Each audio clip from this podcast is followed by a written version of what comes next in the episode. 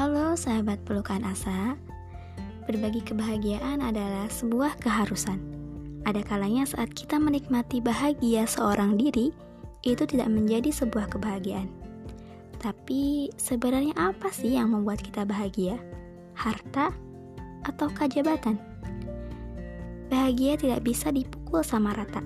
Seorang kaya raya bisa saja ia tidak merasakan bahagia tatkala keinginannya terus melonjak dan meluap tinggi.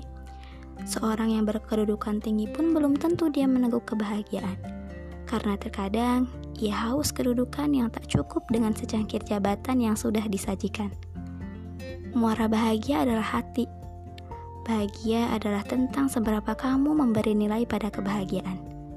Kebahagiaan itu tentang seberapa baik syukur yang kita panjatkan pada Sang Maha Baik. Bahkan, satu hembusan nafas saja itu sudah menjadi sebuah kebahagiaan. Satu kedipan mata juga satu perkara yang harus disyukurkan. Dan bahagia itu berbanding lurus dengan rasa syukur.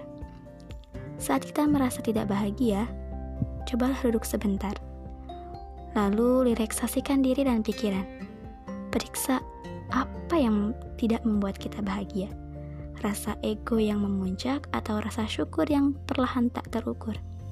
Sahabat, kita butuh banyak porsi bahagia untuk kesehatan jiwa. Jangan tinggikan dimensi bahagia kita. Cukuplah apa yang di hadapan kita menjadi termometer satu rasa yang dinamakan bahagia. Jangan turunkan tingkat syukur, karena semakin tinggi rasa syukur akan semakin tinggi nikmat dari Sang Maha Gofur. Mari cerdaslah dalam memilih rasa bahagia, karena bahagia juga merupakan jalan menuju keabadian. So, Don't forget to be happy and let's share feel good each other.